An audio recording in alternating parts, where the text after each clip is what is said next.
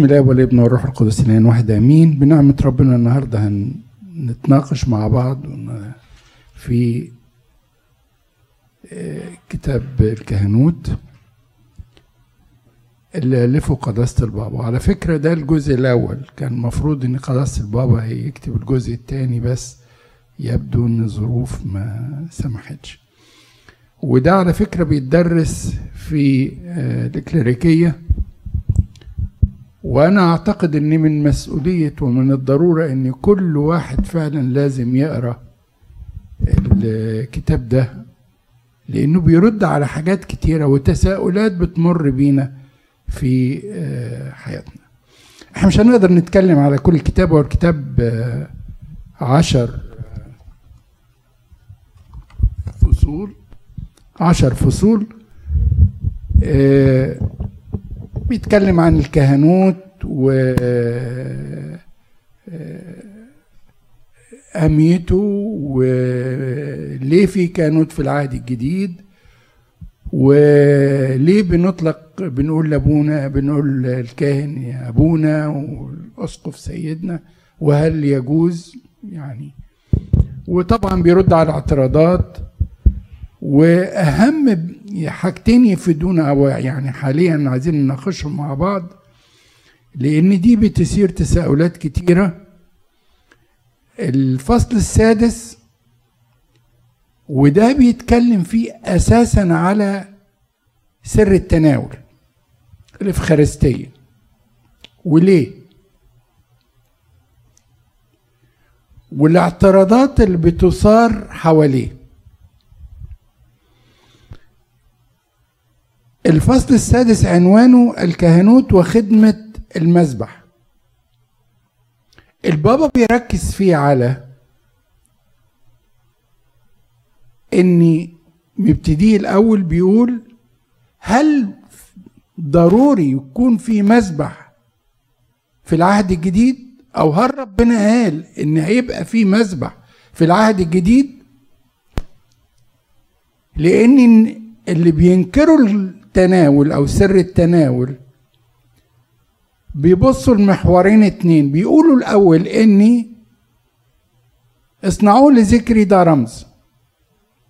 نمرة اتنين المفروض في العهد الجديد مفيش مذبح أنتوا بتقولوا في مذبح ليه؟ فالبابا بيأكد لأن هو طبعا لو مفيش مذبح يبقى مفيش ذبيحة. ولو ما فيش ذبيحة يبقى ما فيش خادم للذبيحة. على طول هم يعني هم بياخدوها بالحوار ده يعني. لو ما فيش مذبح يبقى ما فيش ذبيحة يبقى ما فيش خادم اللي هو الكاهن اللي أنتوا بتقولوا عليه. يبقى الكهنوت ده مش المفروض ما يكونش موجود.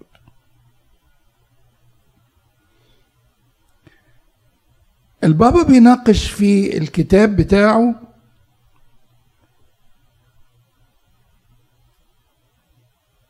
هل من من ضرورة لوجود مذبح في العهد الجديد ولا لا؟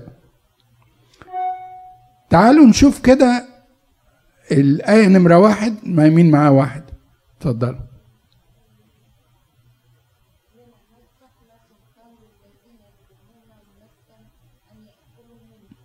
ده في عبرانيين. ده بولس الرسول بيقول لنا مذبح الله. يعني بولس الرسول بيقول إن في مذبح في الوقت بتاعه وهذا المذبح لا سلطان الذين يخدمون المسكن اللي هو يخدمون الهيكل اللي هم اليهود أن يأكلوا منه. أمال مين اللي يأكل منه؟ الذين آمنوا بالسيد المسيح. اذا هذا المذبح مذبح للعهد الجديد. في سفر أشعياء الحقيقة واضح جدا واضح جدا أنه لابد أن يكون هناك مذبح في العهد الجديد. مع آية اتنين آية اتنين يتفضل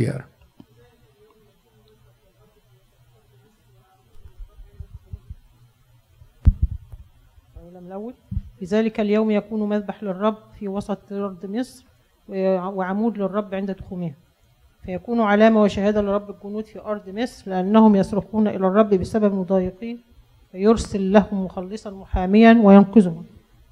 فيعرف الرب فيعرف الرب في مصر ويعرف المصريون الرب في ذلك اليوم ويقدمون ذبيحة وتقدمة وينظرون وين- وينظرون للرب نذرا ويوفون به. مظبوط.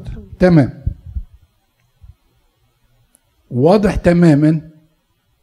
إزاي هيكون مسبح في أرض مصر؟ في أرض مصر. والمسبح ده يتقدم عليه ذبيحة؟ وهو اللي قال في سفر التثنية إني ما تقدموش ذبايحكم إلا في المكان اللي أنا قلت لكم عليه اللي هو الهيكل. وشعب وشعب إسرائيل لما كان في مصر كانوا بيطلبوا من فرعون إنهم يخرجوا ليذبحوا لإلههم ويرجعوا يذبحوا في أورشليم المكان اللي هيقول لهم عليه. مش ممكن يكون هذا المذبح مذبح يهودي لأن ده هيبقى في أرض مصر والمصر كلها وثنيين وفراعنة. مش ممكن.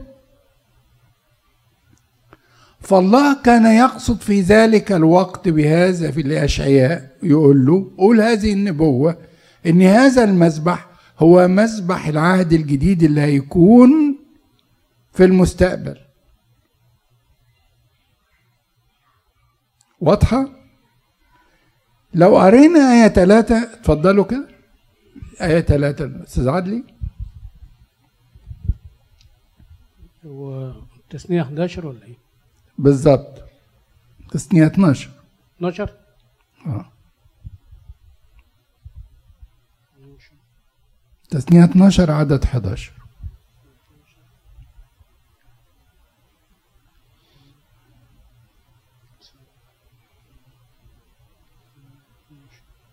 مم.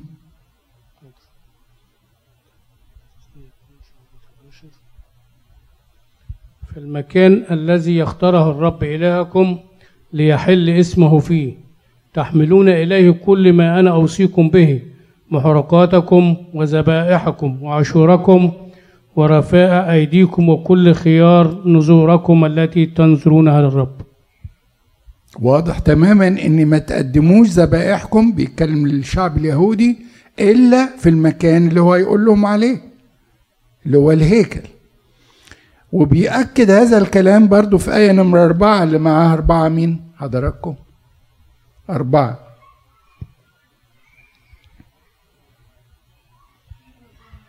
مين معاه؟ يبقى إرمين مشيت. آه. آية أربعة بتقول وأما أقداسك التي لك ونذورك في تثنية 12 برضو عدد 26 وأما أقداسك التي لك ونذورك فتحملها وتذهب إلى المكان. الذي يختاره الرب فتعمل محرقاتك اللحم والدم على مذبح الرب إلهك.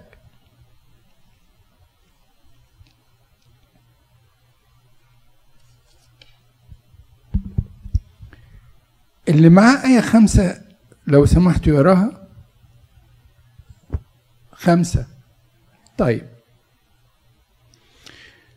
في آية خمسة بيقول ليست لي مسرة بكم قال رب الجنود ولا أقبل تقدمة من يدكم لأنه من مشارق الشمس خلي بالكم بقى من مشارق الشمس إلى مغاربها اسمي عظيم بين الأمم وفي كل مكان يقرب لاسمي بخور وتقدمة طاهرة. كلام ما ينطبقش خالص على وقت المذبح اليهودي. ليه؟ لأني هي يذبحوا في كل الأمم وتقديمات في كل الأمم. ما حصلش طبعا في العهد القديم لأن الشعب اليهودي كان ملتزم أنه يقدم في أورشليم.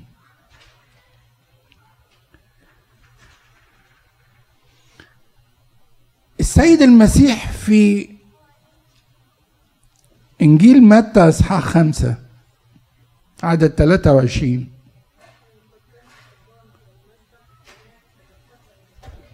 بالظبط.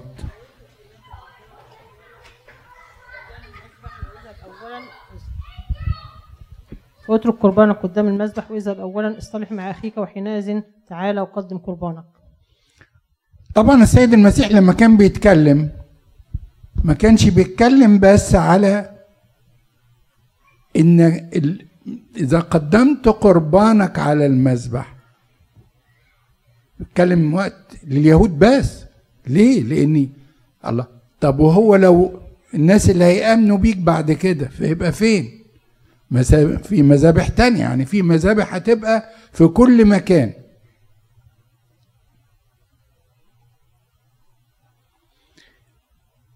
أعتقد بالآيات دي كلها واضح تماما إني لازم يكون في مذبح مش مذبح يهودي لكن مذبح في الأماكن التي يكرز فيها باسم السيد المسيح ومؤمنون باسمه يكونون هناك.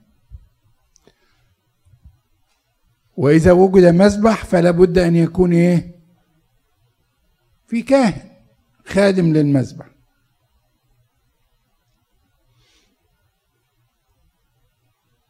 تعالوا بقى نتكلم على سر الإفخارستية اللي بيشككوا فيه كتير قوي. كتير قوي يعني الشيطان بيلعب تماما.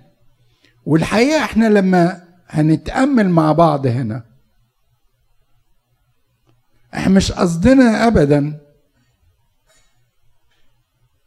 إن إحنا نثبت للسر قد ما نعرف قيمة هذا السر لحياتنا إحنا. ولا عشان نرد على الاعتراضات تفرقش معانا. إحنا بن... هنتأمل في الحتة دي أو البابا يعني هو قصد البابا إنه بيرد. please لو سمحت please please كده please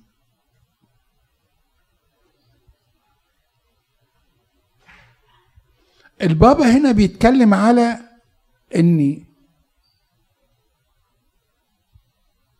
سر الإفخارستية ده سر مقدس والذي يقدم ويقدم على المذبح جسد ودم حقيقي حقيقي. مش رمز. مش رمز. جسد ودم حقيقي. لأني أول حاجة الله غير محدود ويملأ هذا الكون كله. لكن حينما ظهر لنا ظهر فين؟ في جسد بشر. هو هو الله الغير محدود. اللي بيظهر في القربانة. بالظبط كده. هو هو. بس مخفي هذا السر وعشان كده بنقول سر في الخبز الذي يقدم. وهنشوف بعد كده يعني إحنا ما بنقولش أو البابا يعني في الرد بتاعه ما بن ما بنقولش ما بنجيبش كلام من عندنا. ده من الكتاب المقدس. وإذا كنتم أنتم إنجليون وتحترمون الكتاب المقدس وكل كلمة فيه طب ما تنفذوا اللي فيه. ده الحاجة بقى اللي يعني يمكن لفتت نظري برضو قوي والبابا ركز عليها. إني اللي لو حد معاه آية سبعة وثمانية يقرا لنا كده سبعة وثمانية آية 8 طب اتفضلي تمام. لأنني تسلمت من الرب ما سلمتكم به أيضا إن الرب يسوع في الليلة التي أسلم فيها أخذ خبزا وشكر فكسر وقال خذوا كلوا هذا هو جسدي المكسور لأجلكم. اصنعوا هذا لذكري هكذا كذلك الكأس أيضا بعدما تعشى. يعني أنا عايز أقف عند الحتة دي يا. خذوا كلوا هذا هو جسدي المكسور. سور ما اعتقدش بولس الرسول غلط? في كلمة المكسور دي. مظبوط؟ طب تعالوا نبص بقى كده. أساس الأب الكاهن بيكسر القربانة. تعالوا لا إحنا عايزين بقى نترجمها في حتة تانية. طب وهو السيد المسيح على الصليب؟ كان جسده مكسور. اتكسر؟ وعظمة منه لم لم تكسر. الله. طب أنت بتقول إيه دلوقتي يا بولس هنا؟ بتعني إيه؟ الجسد اللي هو الخبز بيكسره. عشان كده في عدد سبعة في إصحاح في متى 26 اللي هي الآية نمرة سبعة اللي معاه سبعة لو حد طلع. هقراها لكم على طول بس عشان الوقت. أخذ يسوع الخبز وبارك وكسر وكسر وأعطى التلاميذ وقال خذوا كلوا هذا هو جسدي. المكسور اللي بيتكلم عليه بولس الرسول بعد كده المكسور. وأخذ الكأس وشكر وأعطاهم قال اشربوا منها كلكم لأن هذا هو دمي الذي العهد الجديد الذي يسفك من أجل كثيرين لمغفرة الخطايا. وده اللي بيقوله الكاهن في في القداس. بالظبط بالظبط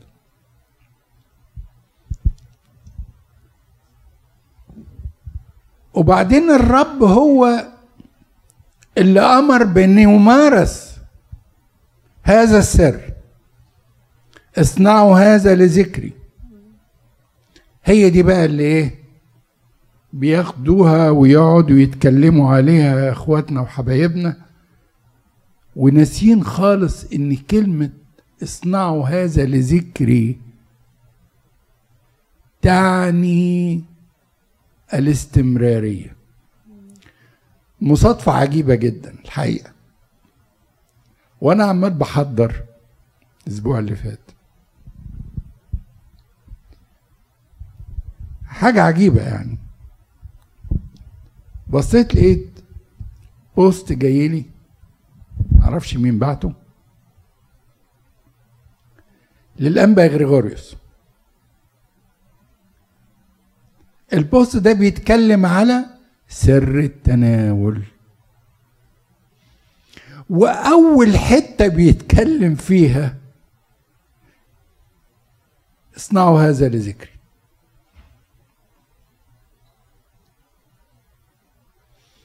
ما أعرفش إذا كان حد منكم عصر الأنبا غريغوريوس أو شافه يعني أنا يعني خدت بركته في لقاءات كتيرة ومحاضرات كتيرة. حضرت له؟ علامة صحيح علامة. كان أسقف التعليم على فكرة قبل البابا شنودة. فلما بي- بيقول حاجة وبعدين يعرف يوناني حلوة قوي قوي يعني. هو البابا في الكتاب بتاعه بيقول عبارة اصنعوا هذا لذكري تعني استمرارية إقامة هذا السر. الأنبا غرغوريوس بقى كان بيقول إيه بقى؟ الكلمة اليونانية اسمها أنامنيسيس أنامنيسيس وهذه الكلمة تعني استحضار حدث تم أمام الله كان قد وقع في الماضي ولكن ما زال فعله وأثره ممتدا في الزمان الحاضر.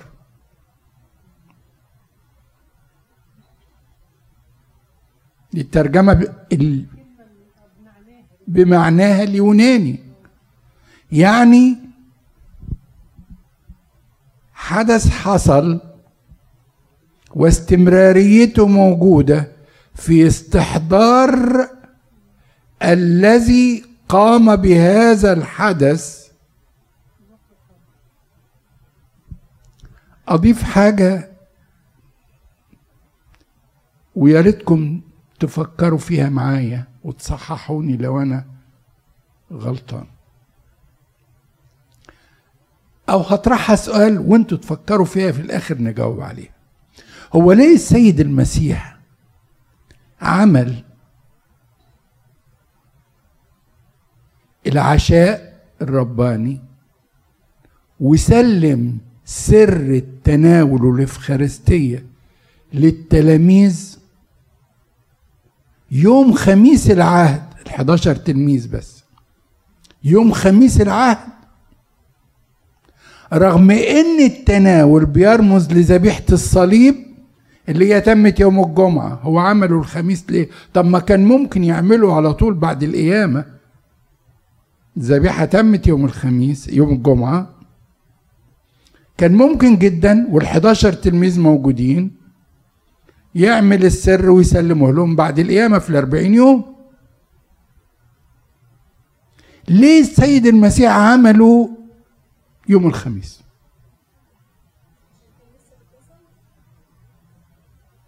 طب وماله؟ ما هو سلم الجسد على الصليب وهو الذبيحة اللي إحنا بناخدها. رمز أو هي ذبيحة الجسد الذي سلم على الصليب. هم.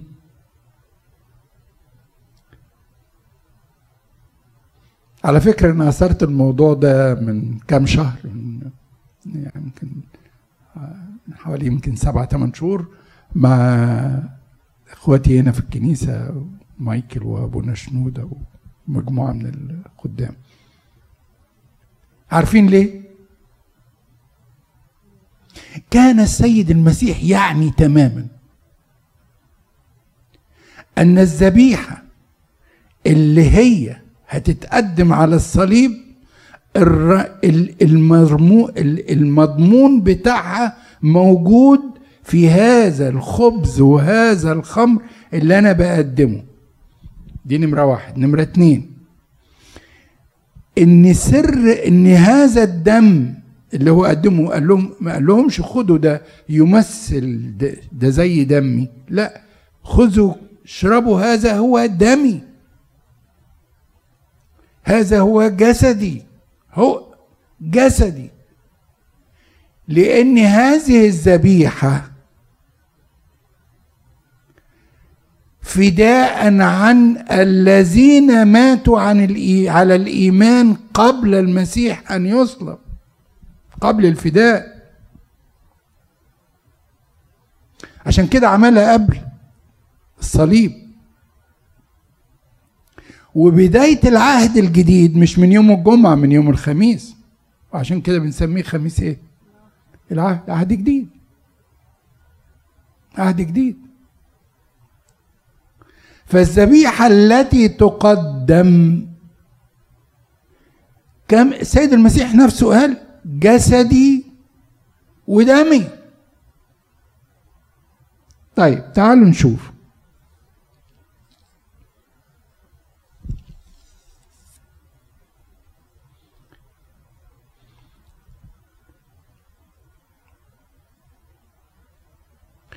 اللي معها عدد تسعة آية تسعة لو سمحتوا انت ما اعطيتيش لاخواتي ورا ليه؟ تسعة. مش آه مش عايز. تسعة تسعة لو سمحتوا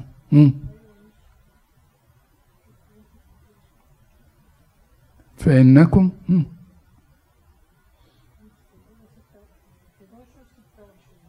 أي بالظبط.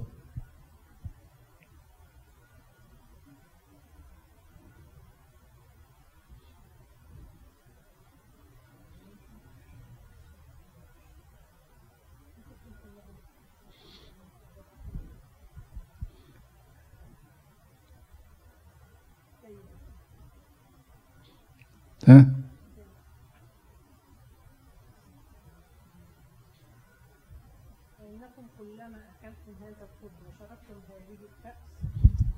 فإنكم كلما أكلتم هذا الخبز وشربتم هذه الكأس تخبرون بموت بموت الرب إلى أن أجيء إلى أن يجيء. إلى أن يجيء. يعني هذه ذبيحة وهذا السر يمارس إلى مجيء الرب إلى مجيء الرب وده اللي قاله يوحنا في في الرؤيا بس اورشليم الجديده ما فيهاش ما فيهاش مسرح يعني السيد المسيح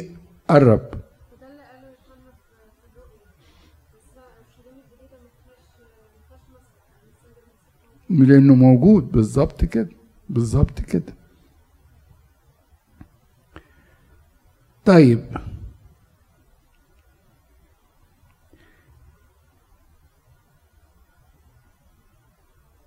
البابا شنودة بيقول ان الرب سلم هذا السر لتلاميذه خلي بالكم مش لكل الشعب مش لكل الناس. كل الشعب يتناول من هذا السر. لكن الذين يمارسون هذا السر هم التلاميذ بس. عشان كده لو تلاحظوا إنه بيقول اصنعوا هذا لذكري. قالها لمين؟ للحداشر تلميذ اللي كانوا معاه وقتها.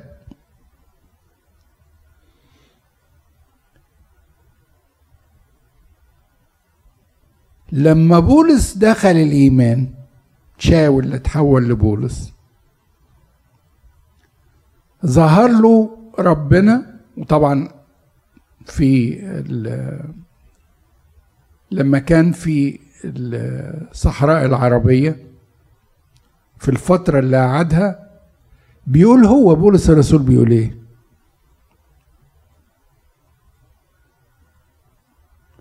ما تسلمته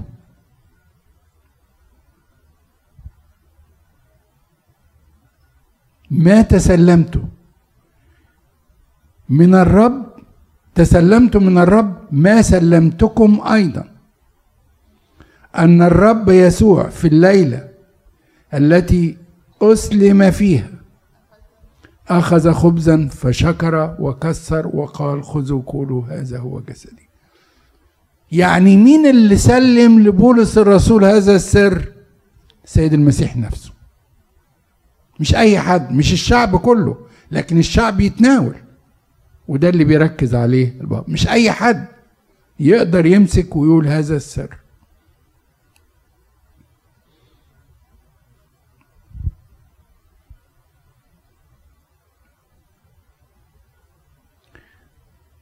البابا بيقول لأن صنع السر هو للكهنوت أما التناول فلكل الشعب. في صفحة 93 اللي معاه الكتاب.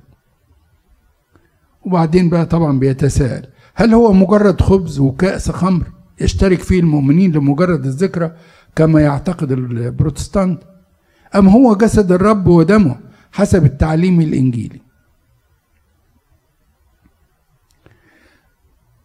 وبعدين في بيقول البابا إيه؟ هذا السر ليس خبزا عاديا.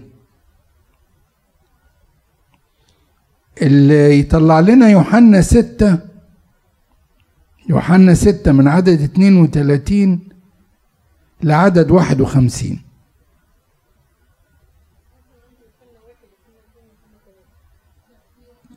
يوحنا أصحاح ستة أصحاح ستة من عدد 32 آه. الحقيقة يعني لو حضراتكم تركزوا في ال آه. اتفضل. قال. أقول لكم ليس موسى فقال لهم يسوع الحق الحق أقول لكم ليس موسى أعطاكم الخبز من السماء بل أبي يعطيكم الخبز الحقيقي. من السماء. لأن خبز الله هو النازل من السماء الواهب حياة آه، للنعمة للعالم. فقالوا له يا سيد أعطينا في كل حين هذا الخبز. فقال لهم يسوع أنا هو خبز الحياة من يقبل إلي فلا يجوع ومن يؤمن بي فلا يعطش أبدا. ولكن قلت لكم إنكم قد رأيتموني ولستم تؤمنون. كل من يعطيني الآب فإلى فإلي يقبل ومن يقبل إلي لا أخرجه خارجا. لإني قد نزلت من السماء ليس الأعمال مشيئتي. بل مشيئة الذي أرسلني. وهذا مشيئة الآب الذي أرسلني. إن كل ما أعطاني لا أتلف منه شيئا بل أقيمه في اليوم الآخر. ال- اليوم الأخير. لأن هذا هي مشيئة الذي أرسلني. إن كل من يرى الابن يؤمن به تكون له حياة أبدية وأنا أقيمه في اليوم الأخير. فكان اليهود يتمردون عليه لأنه قال أنا هو الخبز الذي نزل من السماء.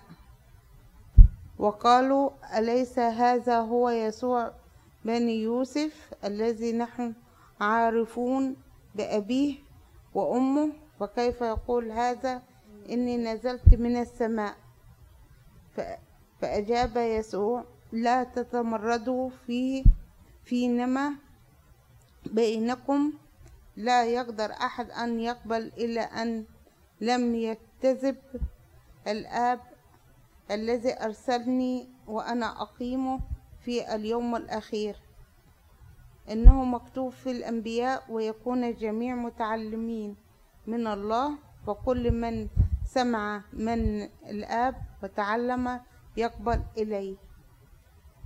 ليس إن أحد رأى الآب إلا الذين من الله هذا قد رأى الآب. الحق الحق أقول لكم من يؤمن بي فله حياة أبدية. أنا هو خبز الحياة أباكم أكلوا المن في البرية. وماتوا.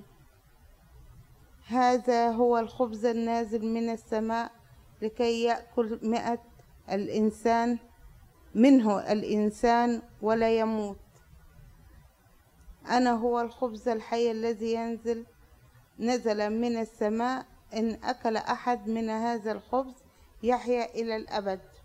والخبز الذي أنا أعطيه هو جسدي الذي أبذله من أجل حياة العالم.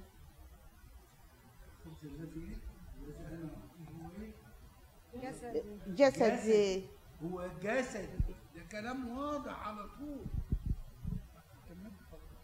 الذي أبذله من أجل حياة العالم.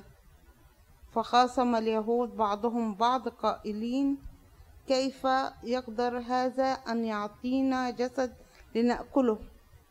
فقال لهم يسوع الحق الحق أقول لكم إن لم تأكلون تأكلوا جسد ابن الإنسان وتشربون دمه فليس لكم حياة فيكم. من يأكل جسد ويشرب دمي فله حياة أبدية وأنا أقيم في اليوم الأخير. لأن جسدي ما ما أكل حق ودم حقا. ودم ودمي مشرب حق.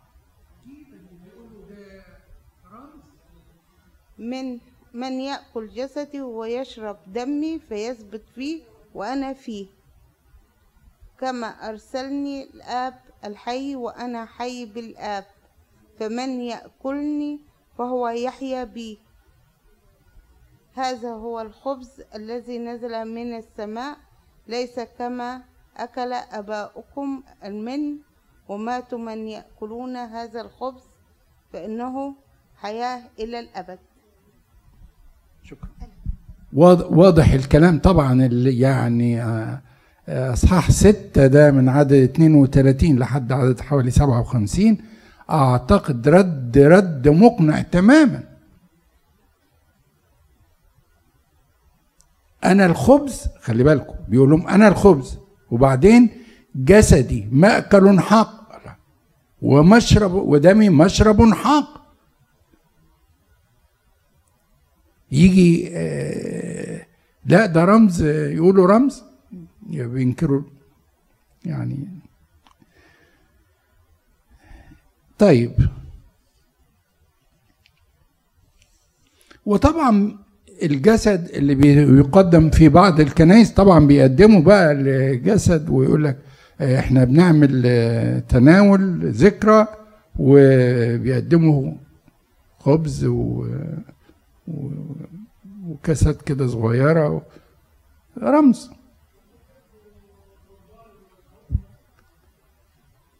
آه بس ما بي هو بس علشان يعني اللي يضحكوا على الناس. إنما يعني إحنا يهمنا إن لنا هذا الإيمان الحقيقي. وده أرجو إن كل واحد فعلا حينما يتقدم لسر التناول يدرك تماما ويؤمن تماما إنه جسد ودم عمانوئيل إلهنا حقيقي وموجود في وسطينا. عشان كده أبونا لما بيقول لنا أؤمن أؤمن أؤمن إن هذا هو جسد ودم يسوع المسيح الحقيقي. بالظبط كده. أبونا لما حتى بيجي بي- الرسومات بعد حلول الروح القدس على الخبز والخمر. لما يجي أبونا بيقول السلام لكم أو الرب معكم. مش هو ما بيرشمش.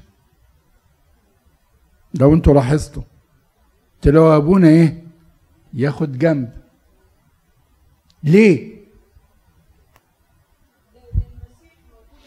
لأنه خلاص الروح القدس حل على الخبز والخمر فتحول الجسد الخبز إلى جسد والخمر إلى دم السيد المسيح فالله حاضر معنا. لا يجوز للكاهن إن يدي بركة في حضرة الله. في حضرة الله. عشان كده لحظة القداس هي أقدس اللحظات. لأن الله حاضر معنا بجسده ودمه.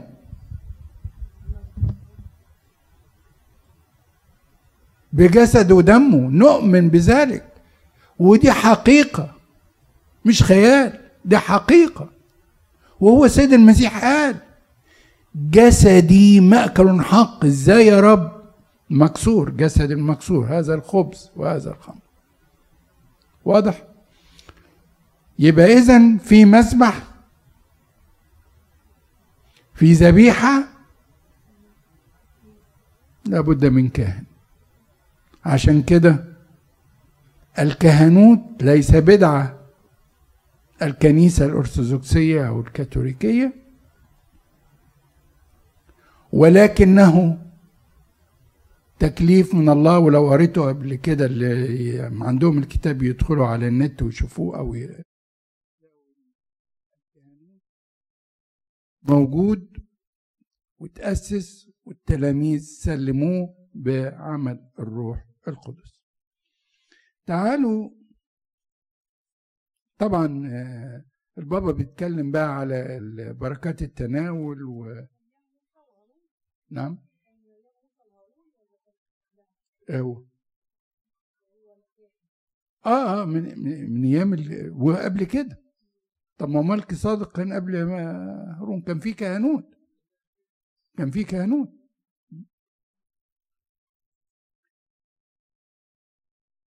لكن ككهنوت بقى لخدمة مسبح وممارسات اتحطت في سفر لاويين ده لما خرج شعب إسرائيل وتسلم موسى الشريعة من الله. نعدي شوية علشان الوقت وندخل على الجزء. طبعا في حاجات كتيرة بقى اللي بابا بيرد عليها من ناحية ال- التناول وال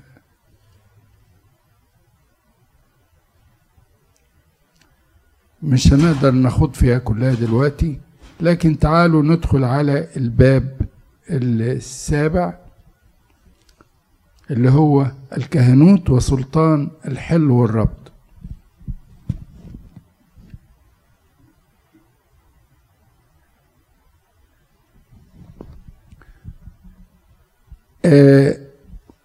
الحقيقة الموضوع ده بيثير تساؤلات كتيرة أوي و... وناس كتيرة بي يعني بيجادلوا فيه حتى من داخل الكنيسة. حتى من داخل الكنيسة. الحل والربط والمغفرة والغفران اللي بيتم في الاعتراف. هم بيشككوا في سلطان الحل والربط.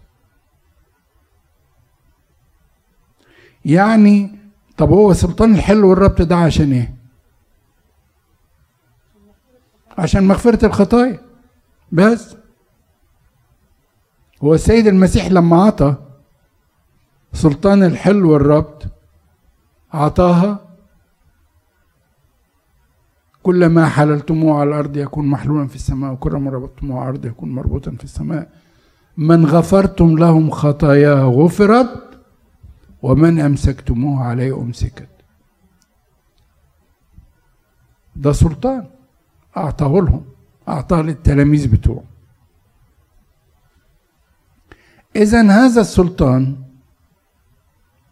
مرتبط أساسا بمغفرة الخطية طيب. إزاي يتم مغفرة الخطية بدون اعتراف؟ البابا هنا الحقيقة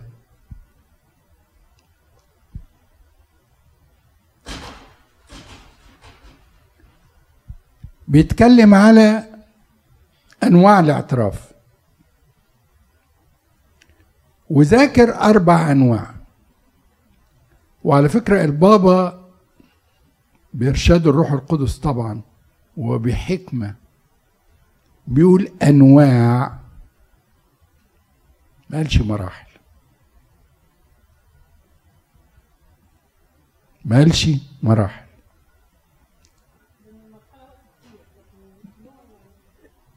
مراحل لأنه لازم لازم مراحل لازم تتم. لأن هو لما بيتكلم وحطوهم بترتيب معين البابا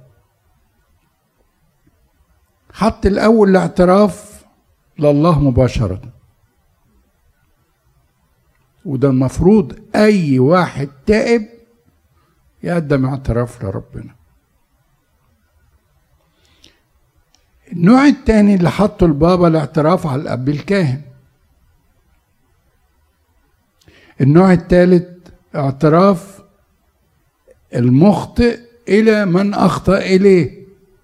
يعني يروح يعترف له ويعتذر له. النوع الرابع البابا حطه اللي هو تعترف بينك وبين نفسك أنك أخطأت. وبعدين البابا تحت هذا اللي النوع الرابع ده بيقول إيه؟ وهذا بلا شك هو الاعتراف الأول في الترتيب. فإن لم يعترف الإنسان في داخل نفسه أنه أخطأ كيف سيقف أمام الله؟ ويقول قد أخطأت. وكيف سيذهب إلى الأب الكاهن؟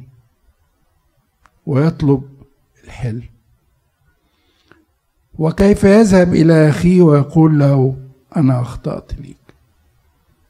لازم الأول يبقى الترتيب كده إن إيه؟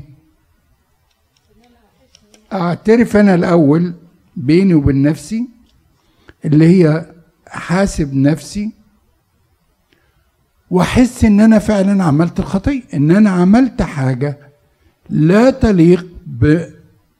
بإن أنا أعملها لانها اهانه لله إن أنا أذيت واحد إن أنا أسأت الواحد إن أنا ما ساعدتش واحد لأنه من يستطيع أن يفعل حسنا ولا يفعل فهذا خطية. إن أنا ما ساعدتش واحد أو وقفت في طريق نجاح واحد أو أعصرت حد لازم من الأول أحس في داخلي إني فعلا أنا أنا أخطأت. أنا أنا أخطأت. لا ما أقدرش. لست مستحقا أن ادعى لك ابنا. الخطوة اللي وراها على طول يروح لمين.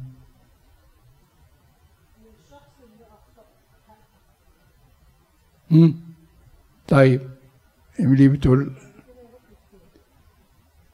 يروح للكاهن. الخطوة الثانية ها؟ المفروض يروح لربنا الأول. أنا أخطأت لربنا. يبقى الخطوة الأولانية إن أنا بيني وبين نفسي أعترف وبعدين أروح ل- قدام ربنا وأسكب نفسي قدامه وأقول له أخطأت. بالظبط كده زي الإبن الضال أخطأت. دي النوع الثاني أو الخطوة الثانية من الاعتراف. الخطوتين التاليين اللي هي الأب الكاهن عشان يديني الحل وهنشوف بعد كده بقى الحل والربط هنا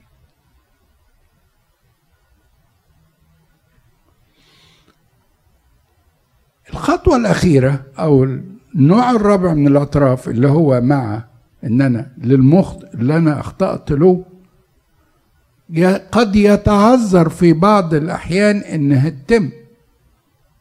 يعني ممكن جدا. لا مش ممكن ما يقبلش عذره ممكن ما يكونش موجود وممكن يكون حصلت ظروف معينة وخلاص وده في حتة وده في حتة وأروح له فين؟ وهقول له إيه يعني؟ خلاص يعني. ف, ف مش إجباري إن أنا أروح له لكن لو هذا الشخص موجود وقريب مني لازم أروح له. واعترف له إن أنا أسأت له أو إني أنا عملت حاجة له.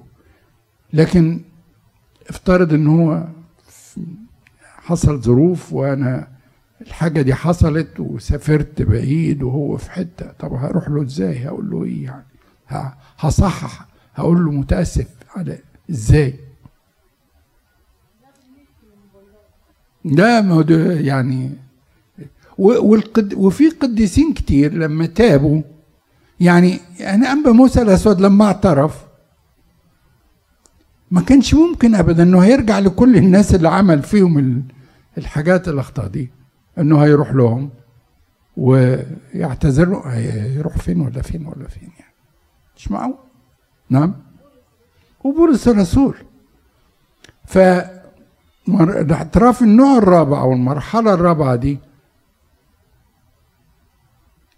ضرورية لو وجد.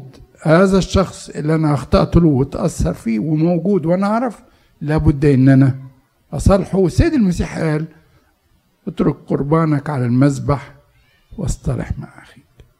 ده, ده أمر من السيد المسيح. فلا بد إن أنا أعترف له للشخص ده. نيجي بقى الموضوع الاعتراف على الكاهن. هو ضروري أروح لأبونا وأعترف واقول له إيه؟ واحكي له حكاية ولا اقعد اديله مبررات واعذار ان أنا عملت؟ إحنا مش هنناقش الاعتراف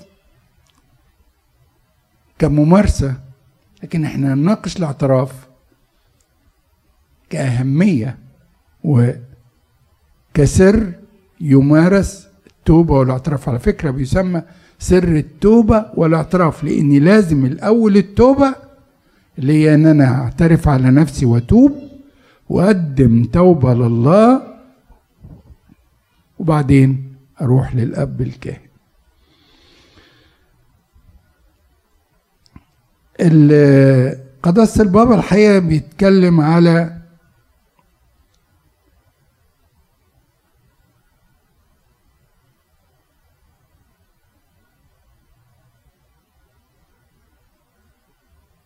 الاعتراف على الأب الكاهن وهل كان موجود ولا لا؟ فكان موجود في العهد القديم. وكان في لوين خمسة عدد سبعة وستة.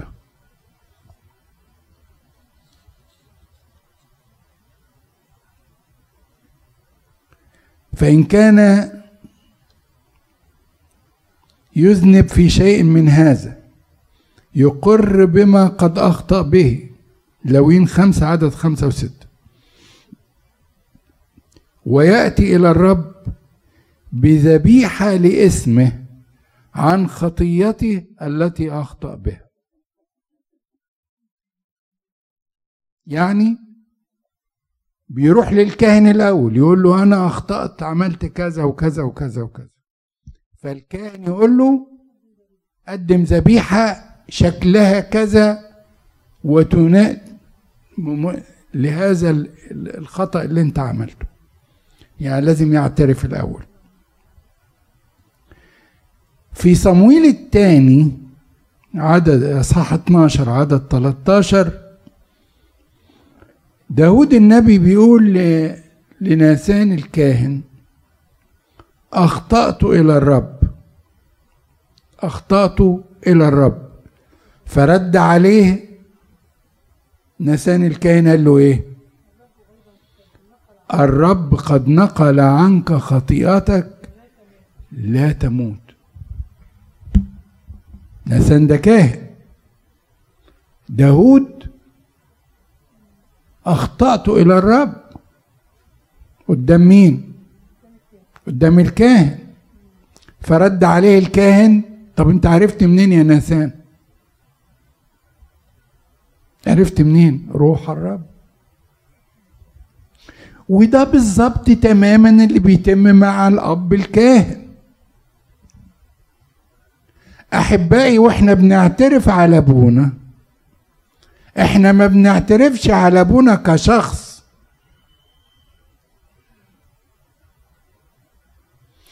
إحنا بنقر بأن إحنا بخطيتنا قدام الله الحاضر الموجود.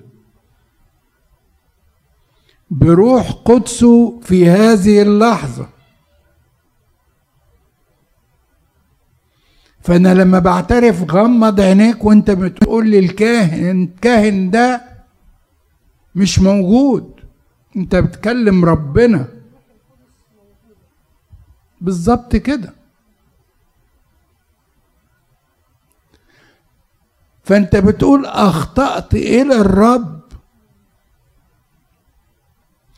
الكاهن ما عليه إلا إنه يقول لك والرب رفع عنك خطيئتك.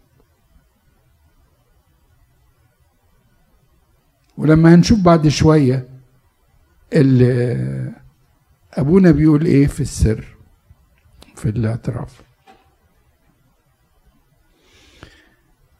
في العهد الجديد طبعا كلكم عارفين آه، ربنا أعطى السلطان لبطرس وللتلاميذ في مغفرة الخطايا. كل ما تحلونه على الأرض يكون محلولا في السماء. من غفرتم لهم خطاياه غفرت. واضحة تماما من غفرتم لهم بيقول لهم من غفرتم لهم أنتوا أنتوا. الله ده انت اللي بتغفر يا رب. أنا اللي بغفر. بس أنا أعطيتكم هذا السلطان وهذا السر إنكم بتنقلوا هذه الرسالة الغفران للي بيعترف عليك وبيقول أنا أخطأت.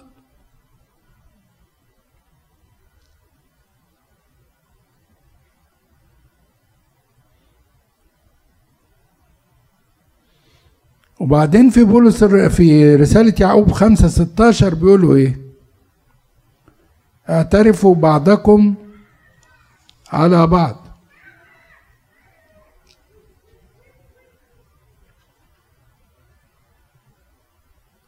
آه نسيت أقول لكم حاجة. البابا بيقول إيه؟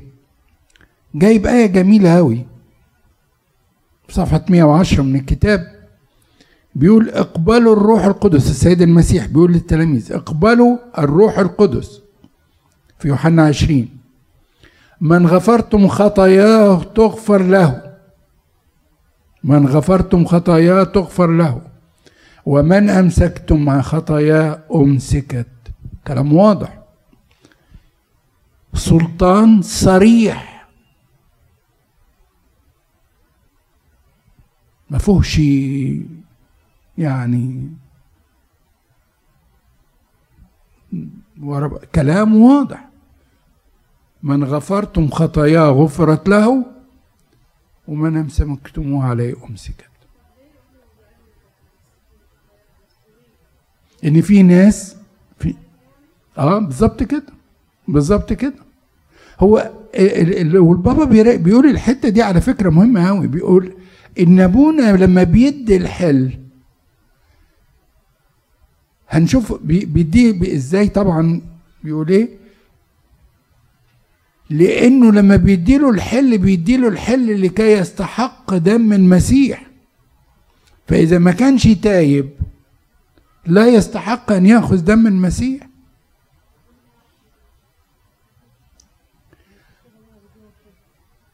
شوفي أقول لك حاجة.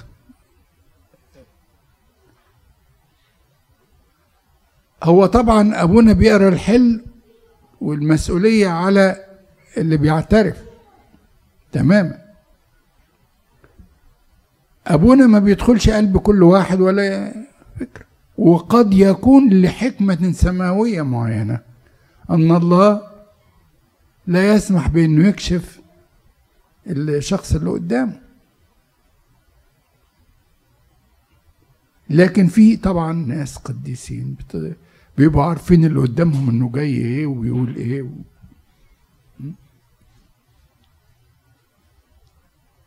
يعني للبابا كيرلس في مرة من المرات والناس واحد جاي فده ده كان يحب يشرب آه، معرفش آه، مش خمرة لأ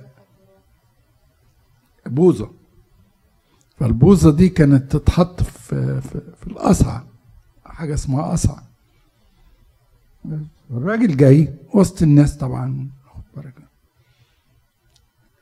فالبابا إيه؟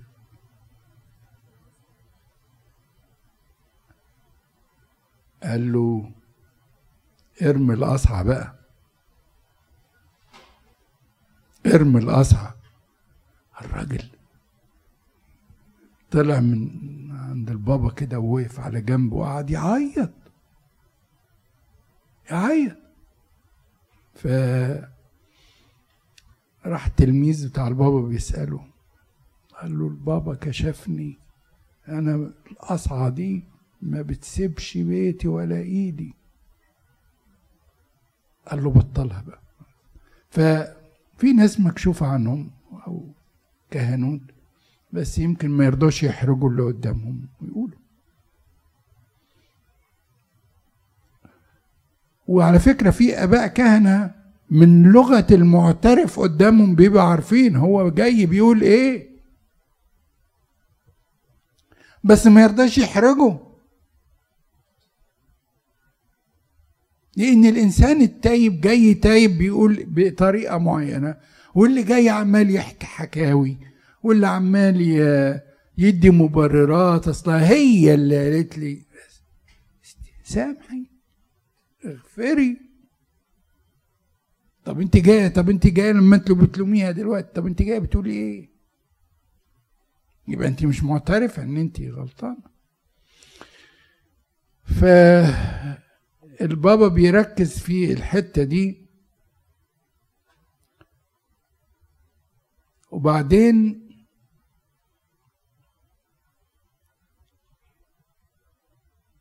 في آخر صفحة 111 بيقول حتة حلوة قوي بترد على كل الناس اللي بيقولوا أبونا بياخد الاعترافات وبيعمل بيها إيه أو وأنا بعترف على أبونا ليه.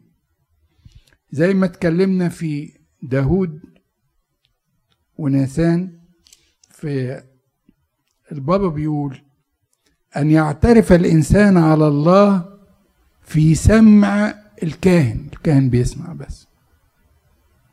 في ودنه. أو يدين الخاطئ نفسه أمام الله في سمع الكاهن. إنما مين اللي بيديله بقى الغفران والحل؟ الله بالروح القدس المعطى للكاهن اللي من سلسلة التلاميذ متسلسل من غفرتم. خطاياه غفرت. لما أعطاهم الروح القدس ونفخ في وجوههم عشان كده لما تشوفوا بكرة اللي هيحضروا الرسامة بتاع أخونا مكاري الأسقف بينفخ في الروح القدس في بقه. اقبل الروح القدس. فالروح القدس بيكون جواه خلاص. والروح القدس من على لسانه بيعطي الغفران.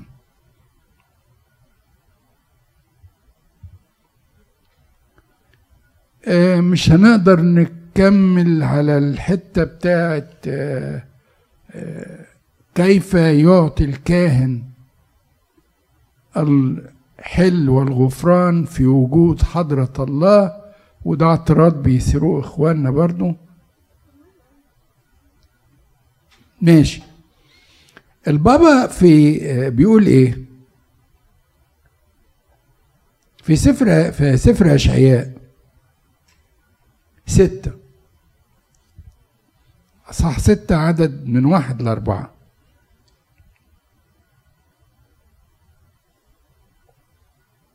يا ريت حد طلعها مريم بسرعة كده. من واحد لأربعة. في سنة وفاة عزي الملك رأيت السيد جالسا على كرسي عال ومرتفع وأزياله تملأ الهيكل. السرافيم واقفون فوقه لكل واحد ستة أجنحة. خلي بالكوا ده المنظر. ربنا موجود وحواليه الصارفين مم، اتفضل باثنين يغطي وجهه وباثنين يغطي رجليه وباثنين يطير. وهذا نادى وذاك. قدوس قدوس قدوس. رب الجنود مجده يمل مجده ملئ كل الأرض. فاهتزت أساسات العتب من صوت الصارخ وامتلأ البيت دخانا. فقلت ويل لي إني هلكت لأني إنسان نجس الشفتين. وأنا ساكن بيت شع... بين شعب نجس الشفتين لأن عيني قد رأت الملك رب الجنود. كمل. آه فطار. فطار إلي واحد من السرافيم وبيده جمرة جمرة قد, قد أخذها بملقط من على المذبح ومس بها فمي وقال إن هذه قد مست شفتيك فانتزع إثمك و- وكفر عن خطيتك. ثم سمعت فانتزع اسمك وكفر عن خطيتك. خطيتك ده مين اللي قال له؟ الملاك. خلي بالكم. خلي بالكم. ملاك من السرافيم الملاك اللي قال له في وجود مين؟ رب- ربنا على المذبح. في وجود حضرة الله. ومجده بيملأ المكان. الملاك خد جمرة ومس بيها شفتيه وقال له غفرت خطيتك. خلاص. عشان كده بنقول إيه؟ ملاك كنيسة كذا. أبونا شنودة ملاك كنيسة كذا. كنيسة. أبونا مينا سانت ماري ملاك كنيسة سانت لما بنعرف كده. فالكاهن هو ملاك زي الملاك اللي خد الجمرة والجمرة هنا ترمز إلى الروح القدس. أبونا خد الروح القدس وهو بياخد بياخد سر الكهنوت بيترسم. فله السلطان إنه يحل ويربط.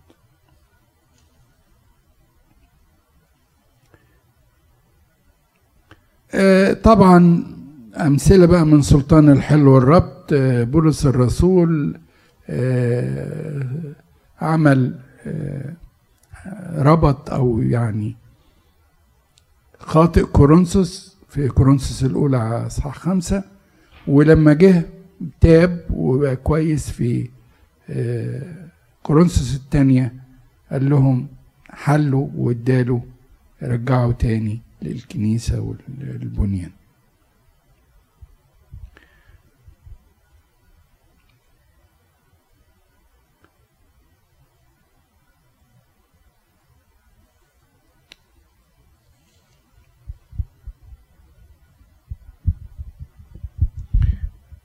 آه، البابا شنودة في بيقول إن الكاهن ليس هو مصدر المغفرة إنما هو معلنها.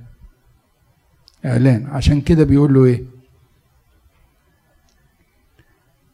بيقول للك... لل... لما بي المعترف بيقرأ له التحليل بيقول له إيه؟ قد غفرت لك أو حاللتك وبيقول له الله يحلك.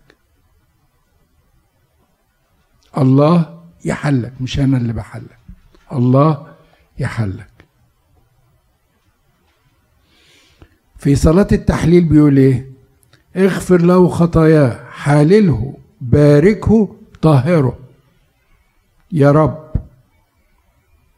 تعالى اغفر له حله باركه طهره في آه، صلاة القداس بيقول له يكونون محاللين من فمي بروحك القدوس.